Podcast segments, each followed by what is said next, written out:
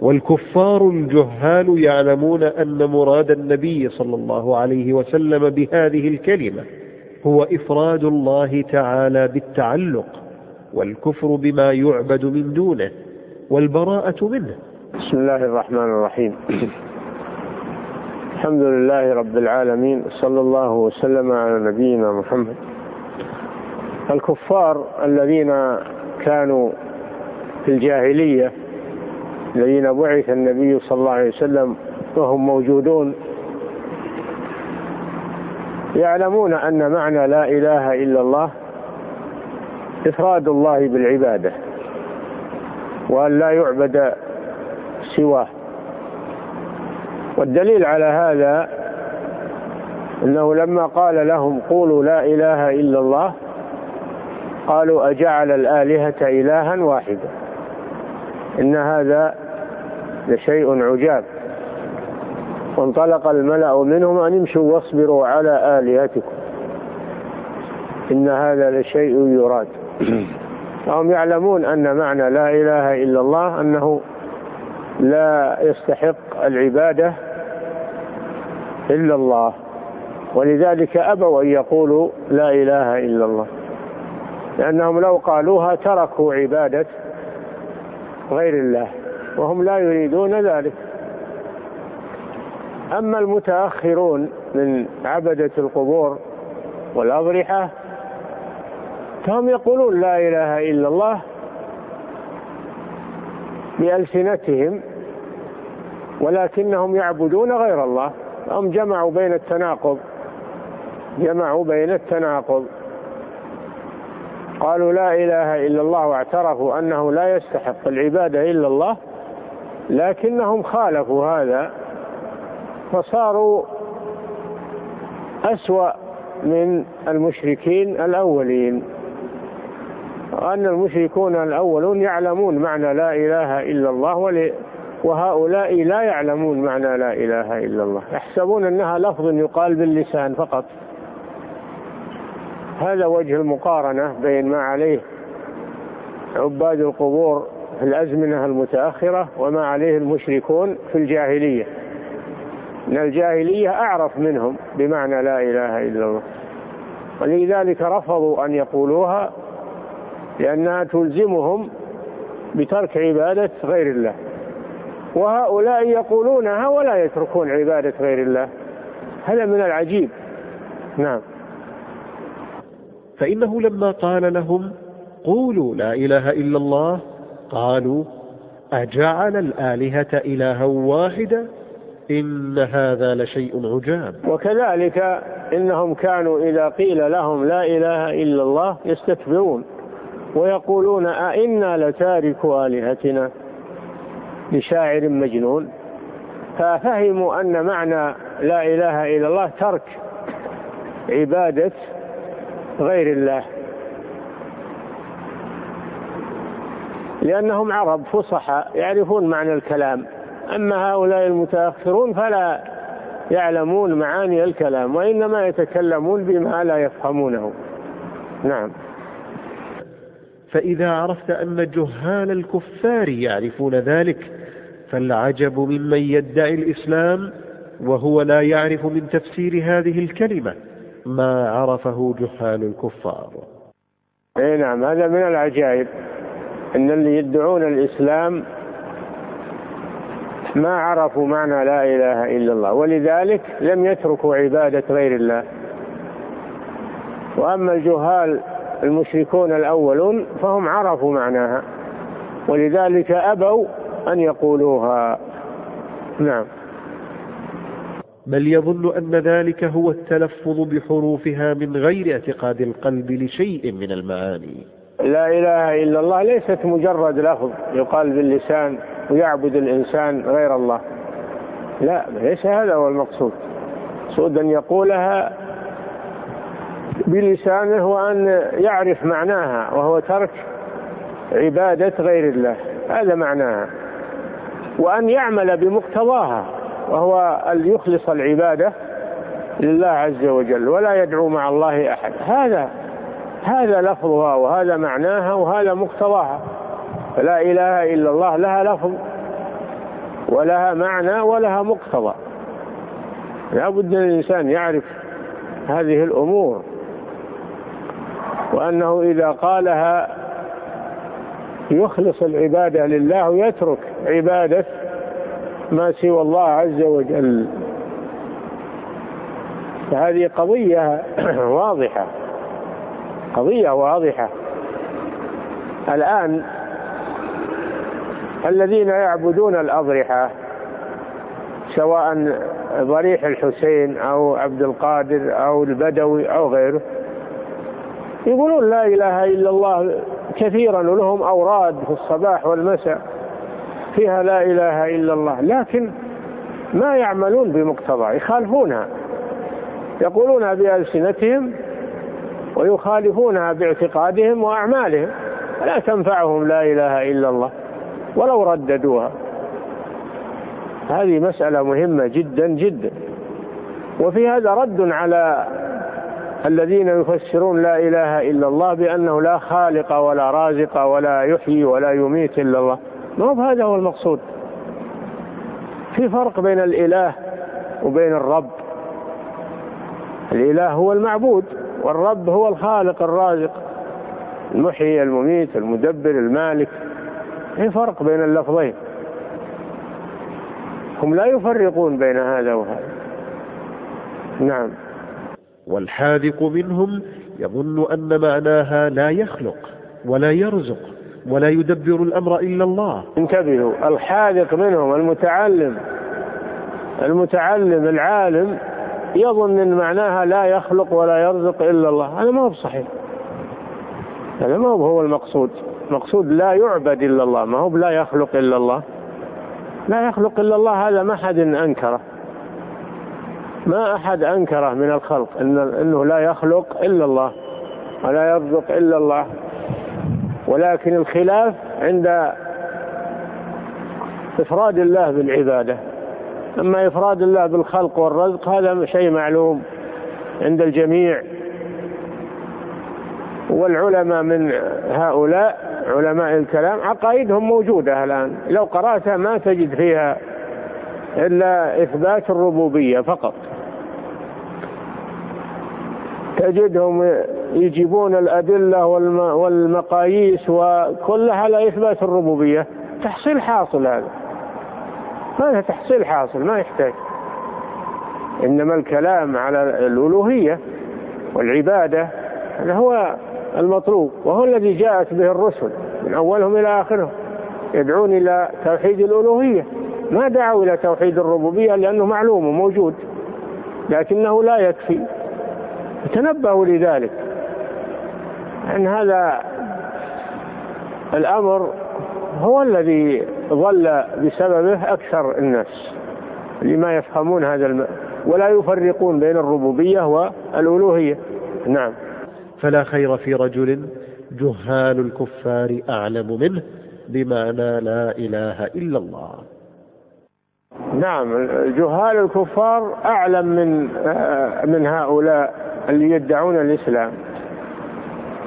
لأنهم عرفوا أن معناها إفراد الله بالعبادة ولذلك أبوا أن يتلفظوا بها.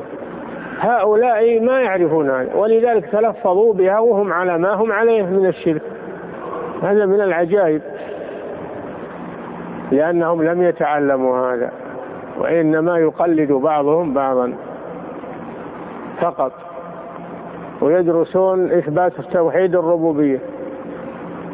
الذي ما أنكره المشركون من قبل. نعم. إذا عرفت ما قلت لك معرفة قلب. إيش الفرق بين عرفت ما ذكرت؟ الفرق عرفت هذا خطاب وأما ذكرت هذا ضمير المتكلم. أي نعم. وعرفت الشرك.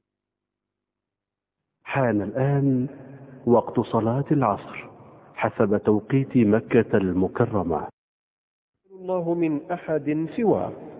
وعرفت ما أصبح غالب الناس عليه من الجهل بهذا أفادك فائدتين. نعم. هذه ما زلنا في الشبهة الأولى. ما زلنا في الشبهة الأولى وهي عدم الفرق بين توحيد الربوبية وتوحيد الألوهية. كثير من الناس اللي يدعون الإسلام لا يفرقون بين توحيد الربوبية وتوحيد الألوهية. ولذلك كل همهم وجلهم إثبات أن الله هو الخالق الرازق المحيي المميت وهذا الشيء موجود. وأما توحيد الألوهية فلا يعرفونه ولذلك يعبدون القبور ويدعون غير الله يذبحون لغير الله ينظرون لغير الله. ويظنون أن هذا هو معنى لا إله إلا الله. وهذا خطأ واضح وضلال مبين. فإذا عرفت هذا عرفت الحق وعرفت الخطأ. إذا عرفت القاعدة هذه وعرفت جواب هذه الشبهة انزاح عنك شبهات كثيرة وعرفت ما عليه غالب الناس من الخطأ. في فهم لا إله إلا الله. نعم من البداية الآن مع لا إله إلا الله البداية ما عرفوها. فكيف يعرفون التفاصيل الأخرى؟ نعم.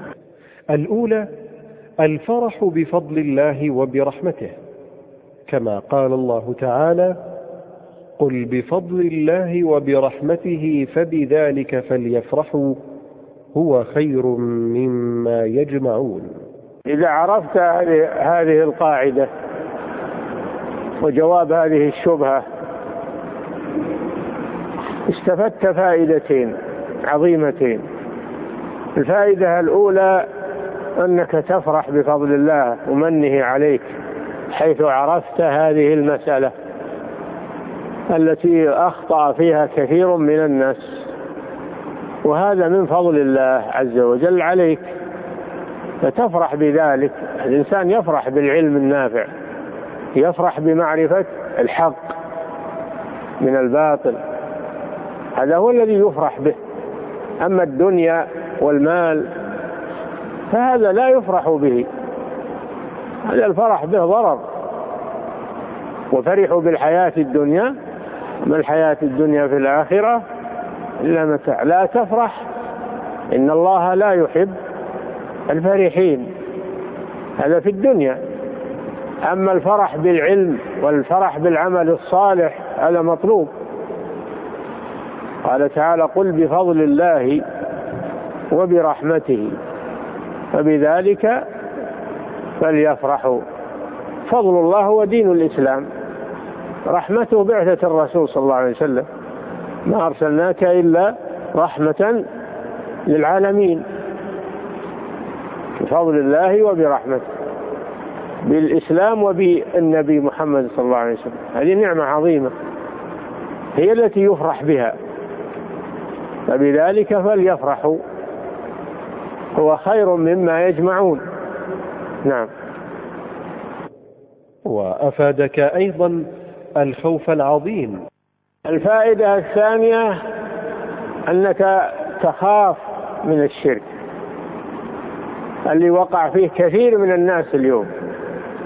تخاف إنك تبتلى مثل ما ابتلوا وتسأل الله الثبات لأن هؤلاء عندهم عقول ليسوا مجانين عندهم عقول وعندهم فهم وإدراك لكن ما وفقوا لفهم أهم شيء وهو معنى لا إله إلا الله. حرموا من ذلك. فقد يكون عند الإنسان ذكاء عنده فهم عنده إدراك لكن يحرم من العلم النافع. ويصير فهمه في أمور لا تنفعه ولا تفيده. فأنت إذا عرفت هذا فرحت أن الله جل وعلا هداك للحق. هذه واحدة. الثانية أنك تخاف أنك تنحرف لأنه الإنسان على خطر ما دام على قيد الحياة. كم من إنسان انحرف؟ وهو يعرف الحق لكن انحرف لهوى أو لطمع أو لشبهة. زاغ فضل ولهذا يقول الراسخون في العلم ربنا لا تزغ قلوبنا بعد إذ هديتنا. إبراهيم عليه السلام يقول رب اجعل هذا البلد آمنا واجنبني وبني أن نعبد الأصنام. رب إنهن أضللن كثيرا من الناس. إبراهيم عليه السلام الذي كسر الأصنام وأنكر عبادتها خاف خاف أنه ينحرف لأن القلوب بين أصبعين من أصابع الرحمن. والنبي صلى الله عليه وسلم يقول يا مقلب القلوب ثبت قلبي على دينك. تحمد الله على النعمة وتسأله الثبات عليها. وأن لا تضل وتزيغ مثل ما زاغ كثير من الخلق. وهم يعرفون الحق. زاغوا. فلما زاغوا أزاغ الله قلوبهم. إما لطمع دنيوي يحصلونه أو لهوى وشهوة وإما لشبهة روجها عليهم الشياطين فانحرفوا.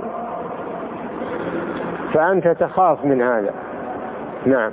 هذه الفائدة الثانية وهي عظيمة. إنك ما تأمن من الانحراف والضلال. وإذا لم تأمن فإنك تحذر وتخاف. وتبحث عن الحق دائما. تسأل الله الثبات. نعم. فإنك إذا عرفت أن الإنسان يكفر بكلمة يخرجها من لسانه وقد يقولها وهو جاهل فلا يعذر بالجهل. نعم قد يقول الإنسان كلمة الكفر وهو ما يقصدها ويكفر بها. هذا خطر عظيم. يحفظ الإنسان لسانه من الكلام. السيء. قال رجل والله لا يغفر الله لفلان فقال الله من ذا الذي يتألى علي ألا أغفر لفلان إني قد غفرت له وأحبطت عمله.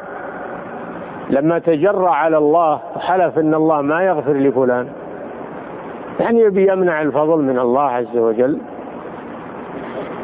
تحلف على الله مثل ما تحلف على ولدك ولا على صديقك؟ لا الله جل وعلا أعظم من ذلك. فهذا ما عظم الله حق تعظيمه فلذلك حلف إن الله ما يغفر لفلان. هذا قنوط من رحمة الله. ما يجوز هذا. كلمة واحدة أفسدت عليه. فالإنسان يحفظ لسانه. وكم نتكلم من الكلام السيء والكلام الخاطئ ولا نبالي. ونقول هذا مزح. المزح ما يصلح في أمور الدين وأمور العقيدة. ما يصلح المزح. ولئن سألتهم ليقولن إنما كنا نخوض ونلعب. قل أب الله وآياته ورسوله. كنتم تستهزئون؟ قد لا تعتذروا. قد كفرتم بعد إيمانه قالوا كلام بألسنتهم بزعمهم أنهم يمزحون. ولم يقبل الله عذرهم. أنه ما يجوز للكلام يتكلم للإنسان يتكلم بكلام الكفر. لا مازحا ولا جادا. إلا في مسألة واحدة إذا أكره إذا أكره على هذا رخص له أن يتكلم بالكفر من أجل يتخلص من الإكراه إلا من أكره وقلبه مطمئن بالإيمان. قصده التخلص فقط. وقلبه ما على العقيدة الصحيحة. هذا مرخص له. أما إنسان مختار ولا هو مكره ما يجوز له يتكلم بكلام الكفر. الله جل وعلا يقول ولقد قالوا كلمة الكفر وكفروا بعد إسلامهم. كلام الكفر خطير يعني يتكلم الإنسان فيه. نعم. وقد يقولها وهو يظن أنها تقربه إلى الله. وهذا أشد. قد يقول الكفر وهو يظن أن هذا يقربه إلى الله مثل اللي يدعون غير الله ويظنون أن هذا يقربهم إلى الله. يدعون الأولياء والصالحين يستغيثون بهم ويقولون إحنا ما نقصدهم إحنا نقصد الله وهذا هؤلاء مجرد وسائط بيننا وبين الله. يكفرون بهذا ولو كان إنهم يظنون إن هذا يقرب إلى الله. ما نعبدهم إلا ليقربونا إلى الله زلفى. الكلام الكفر ما يقبل أبدا. لا من طريق المزح واللعب ولا من طريق الاعتقاد إنه ينفع عند الله. ما ينفع الكفر ما ينفع ابدا ولا يقرب إلى الله. فعليك بالإخلاص. نعم. كما ظن المشركون. كما كان يفعل الكفار المشركون في وقت الرسول صلى الله عليه وسلم. ما نعبدهم إلا ليقربونا. قصدهم التقرب إلى الله. وهذا كفر. لا يقرب إلى الله بل يبعد من الله. نعم. فليس العبرة بالقصد. ليس العبرة بالقصد العبرة بالمعنى. نعم. خصوصا إن ألهمك الله تعالى ما قص عن قوم موسى عليه السلام مع صلاحهم وعلمهم أنهم أتوه قائلين اجعل لنا إلها كما لهم آلهة. نعم هؤلاء لهم قصد حسن. قوم موسى لما أنجاهم الله من فرعون أغرق فرعون مروا على ناس من المشركين. لهم آلهة يعبدونها. استحسنوا هذا. فقالوا لموسى اجعل لنا إلها كما لهم آلهة. طلبوا من موسى أنه يجعل لهم صنما يعبدونه مثل هؤلاء. تقليد تشبه. إلى انهم استحسنوا هذا الشيء. فموسى عليه السلام غضب وأنكر عليهم أن هذا شرك ولا يجوز. اجعل لنا الها كما لهم آلهة. قال إنكم قوم تجهلون. لا تعرفون التوحيد ولا تعرفون الشرك. هذا فيه ذم الجهل لا سيما الجهل بالتوحيد. إن هؤلاء متبر ما هم فيه وباطل ما كانوا يعملون. كيف تطلبون من أن يجعل لكم صنم تعبدونه من دونه إذا بماذا بعث الله موسى؟ إنما بعثه لينكر الشرك وهم يطلبون أن يجعل لهم إلها يعبدونه مع الله. هذا من العجائب. هذه آفة الجهل. هذه آفة الجهل. ما وقعوا في هذا إلا بسبب الجهل. ومع هذا لم يعذرهم الله. لأن الواجب يتعلم الإنسان. هو ما يجوز يبقى على جهله. الواجب أنه يتعلم. قال أغير الله أبغيكم إلها وهو فضلكم على العالمين. موسى عليه السلام جاء لدعوة إلى عبادة الله وحده لا شريك له ترك عبادة ما سواه. فهؤلاء وقعوا في كلمة خطيرة ولولا الجهل لولا أنهم جهال قالوها عن جهل وعن مقصد حسن لدخلوا النار. ولكن لما نبههم نبي الله رجعوا إلى الله وتركوها. فالإنسان إذا قال كلمة الكفر وهو يجهل وبين له ثم رجع إلى الحق لا تضره.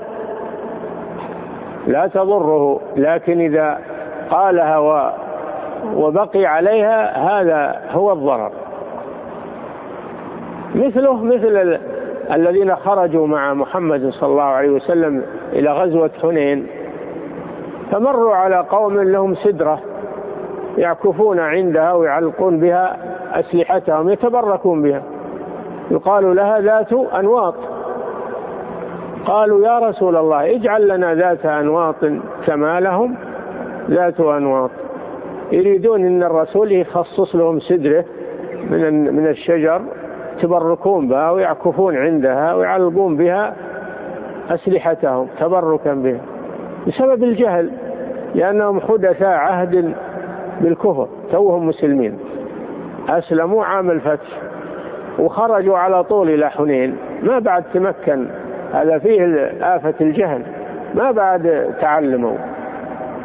ولذلك قالوا لنبي الله اجعل لنا ذات أنواط كما لهم ذات أنواط.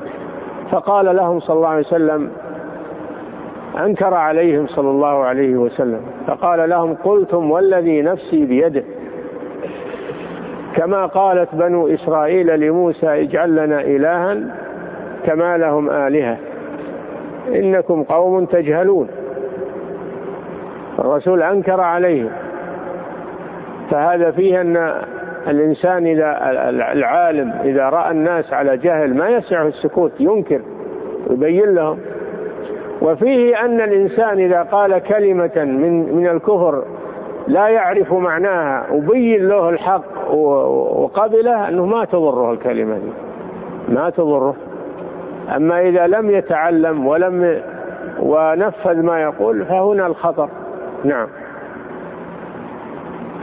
فحينئذ يعظم خوفك وحرصك على ما يخلصك من هذا وأمثاله.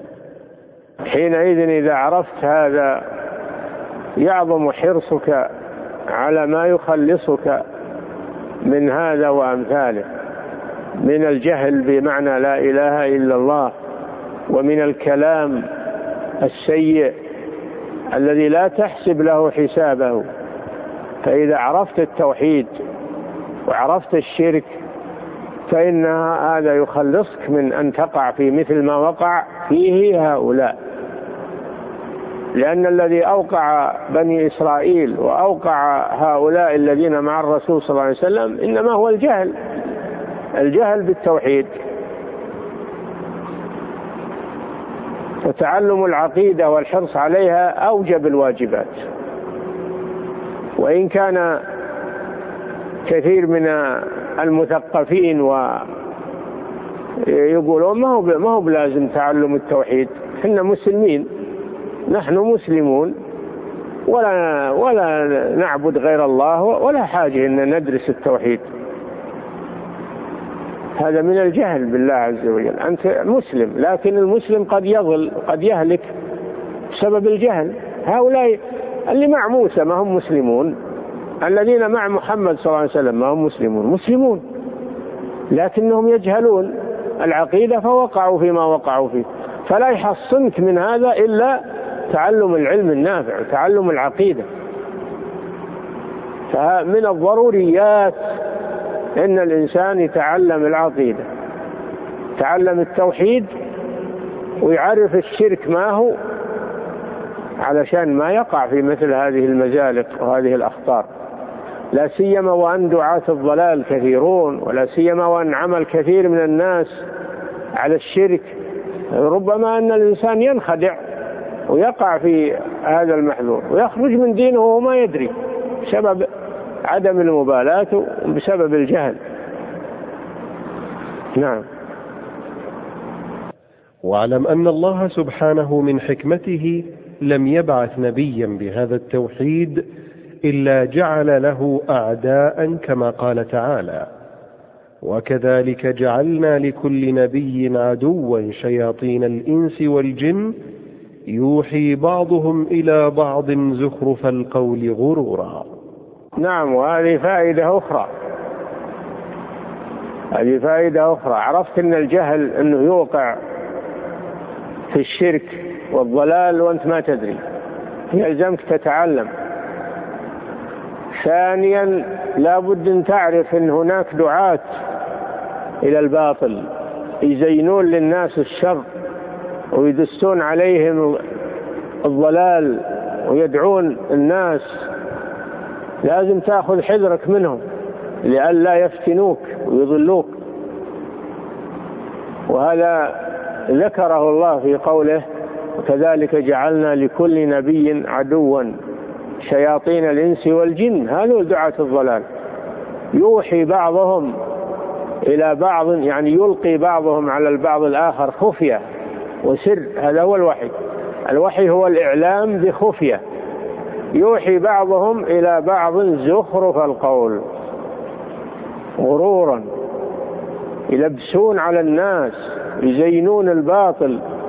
يقولون هذا حضارة هذا تقدم هذا رقي. أنتم تأخرين ويزينون هذا هذا الشر بالزخرف تزيين الكلام. الزخرف هو تزيين الشيء زخرفته حتى يقبل. ما يقولون للناس اكفروا اشركوا لا ما يقولون لهم كذا. يجونهم بطريقة ملبسة مغلفة هذا الخير هذا طيب هذا عليه الأمم وعليه الناس والحضارة. لماذا تتأخرون هذا تأخر؟ فيلبسون على الناس. فيه ناس أعلم منك. وهم على هذا الأمر لماذا أنت تخالفهم؟ إلى غير ذلك من الشبهات. فإذا لم يكن عند الإنسان معرفة بأعداء الله أوقعوه في الضلال. فالإنسان يخاف من دعاة الضلال. وما أكثرهم اليوم. ويستغلون الوسائل كلها اليوم دعاة الضلال. الصحف والمجلات والفضائيات والإنترنت غير ذلك. فالحذر اليوم أشد من ذي قبل. لأن جاءت أمور تدخل على الناس. في بيوتهم وفي سياراتهم وفي أماكنهم تأتي إليهم تغزوهم وهم في قعر بيوتهم.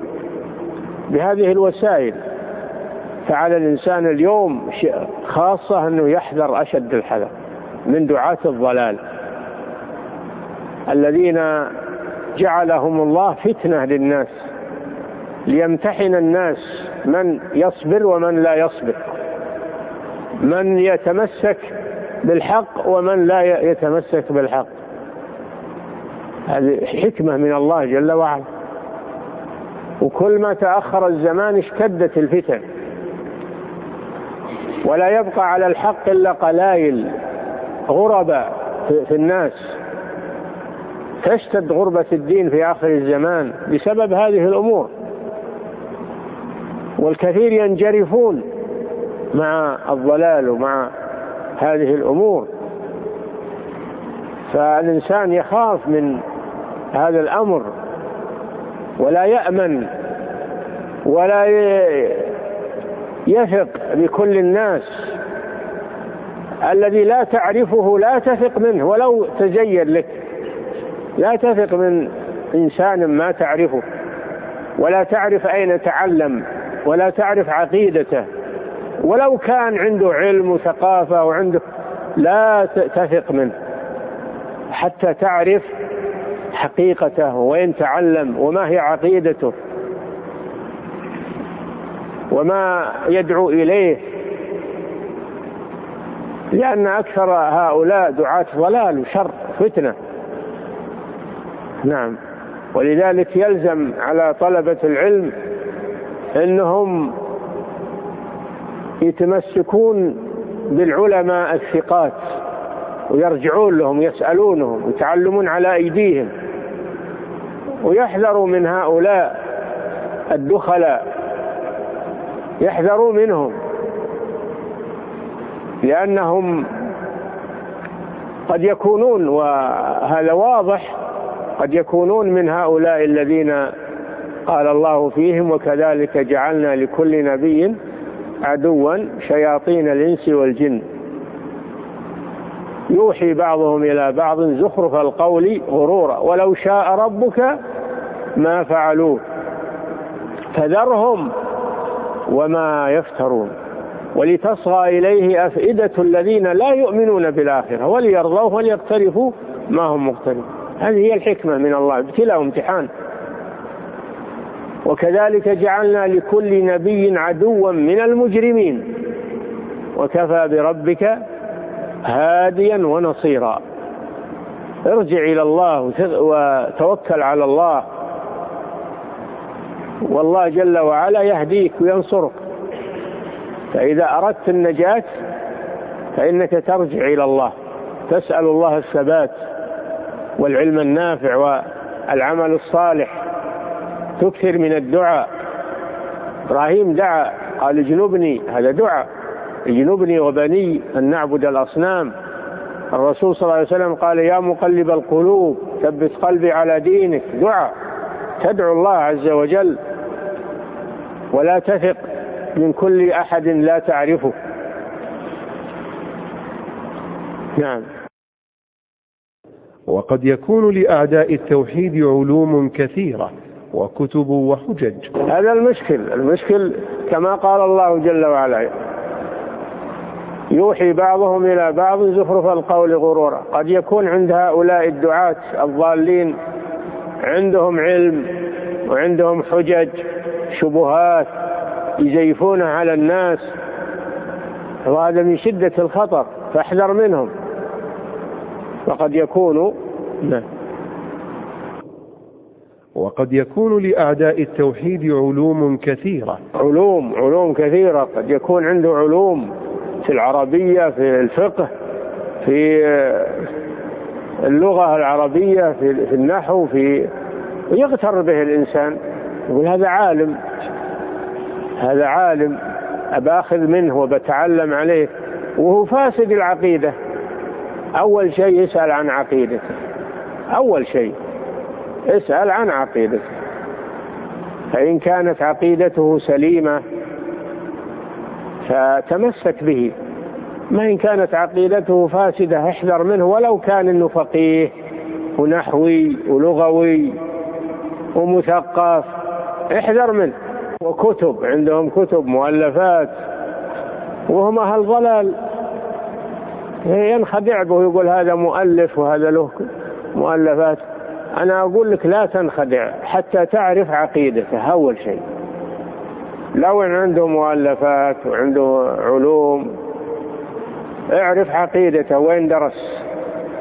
منهم مشايخه وما هي عقيدته؟ فإذا وثقت من عقيدته فالباقي سهل. نعم. كما قال تعالى فلما جاءتهم رسلهم بالبينات فرحوا بما عندهم من العلم. نعم فلما جاءتهم رسلهم بالبينات يعني بالحجج والبراهين الواضحة قالوا ما حنا بحاجة إليكم حنا عندنا علوم وعندنا علم ما حنا بحاجة إلى الرسل. هذه نفس المقالة اللي تردد الآن. ما حنا بحاجة إلى العلماء. نا فاهمين وعارفين. ولا حنا بحاجة إلى العلماء. نروح لمهم ونتمننهم ونجلس عندهم و... حنا نقرأ في الكتب وعلى الأشرطة. نستمع للأشرطة وعلى الكتب. وهذا يكفينا. ما حاجة إن نكلف أنفسنا نروح المجالس العلم وإلى العلماء وإلى هذا وقع فيه كثير من الشباب الآن. فرحوا بما عندهم من العلم. وما هو بعلم في الحقيقة جهل لكنهم يسمونه علم. وحاق بهم ما كانوا به يستهزئون. أهلكهم هذا الشيء. لما أطلقوا أيديهم من العلم والعلماء وفرحوا بما عندهم من الثقافة والمعرفة أهلكهم ذلك أهلكهم ذلك وأوقعهم في الهلاك حاق بهم ما كانوا به يستهزئون. يستهزئون بالرسل يستهزئون بالعلماء وأن العلماء ما يفهمون وأنهم علماء حيض ونفاس. إنهم علماء سلطة إنهم مأجورون إنهم إلى آخره. كما تسمعون الآن. يريدون أن يطلقوا أيدي الشباب من أهل العلم حتى يفترسوا هؤلاء الشباب كما وقع الآن. تماما. فهذا مما يؤكد على طلبة العلم وعلى الشباب بالخصوص أنهم يثقون بعلماء الأمة. الأحياء والأموات يثقون بعلومهم وبمقالاتهم ويكتفون أثرهم ولا يلتفتوا إلى غيرهم من المخدوعين وأهل الضلال. فإن هذا خطر عظيم خطر محدق الآن. اللي تعلم التوحيد الآن يسخرون منه. يسخرون منه وينفرون عنه. اللي يدرس التوحيد يقولون هذا ما عنده غير التوحيد ما يعرف شيء. وينفرون الناس عنه. لو تبي تتكلم في التوحيد ما حضر عندك إلا القليل. لو تتكلم في أمور الأخرى انت اكتظت الشوارع من وراء المسجد. هذا زهد زهد في العلم الصحيح زهد في التوحيد. مع أن التوحيد هو الأصل وهو النجاة. نعم. إذا عرفت ذلك وعرفت أن الطريق إلى الله لا بد له من أعداء قاعدين عليه أهل فصاحة وعلم وحجج. هذا المشكلة أن معهم فصاحة في الكلام وعندهم علم. قد يكون متبحر في الفقه وفي المنطق وفي الجدل وفي فيحصل الانخداع به. أنا قلت لكم أول شيء امتحن عقيدته. إذا رأيت واحد يتكلم في العلم أو في الثقافة أو امتحن عقيدته. فإن كان ناجح في العقيدة تمسك به. أما إن كان إنه ما عنده علم في العقيدة اتركه. لا لا تنخدع به. نعم. فالواجب عليك أن تتعلم من دين الله ما يصير سلاحا لك تقاتل به هؤلاء الشياطين. تعلم من دين الله من العلم النافع ما يصير سلاحا بيدك تقاوم به هؤلاء الشياطين. ترد عليهم. الله جل وعلا يقول فلا, فلا تطع الكافرين وجاهدهم به. به إيش؟ ما هو؟ القرآن. جاهدهم بالقرآن. وحججه وبيناته. فلا تطع الكافرين وجاهدهم به جهادا كبيرا بالقرآن. الجهاد قد يكون بالعلم وقد يكون بالسلاح. والجهاد بالعلم هذا أولى هو الأول. ما يمكن إنسان يجاهد بالسلاح وهو ما عنده جهاد بالعلم والحجة. ولذلك تجب الدعوة إلى الله قبل الجهاد. فلا بد من العلم والحجة أولا. وجاهدهم به جهادا كبيرا. فإذا تعلمت العقيدة الصحيحة صار بيدك سلاح ترد على شبهاتهم أما إذا لم يكن عندك علم بالعقيدة فإنك تذهب مع أول مع أول عاصفة والعياذ بالله. نعم.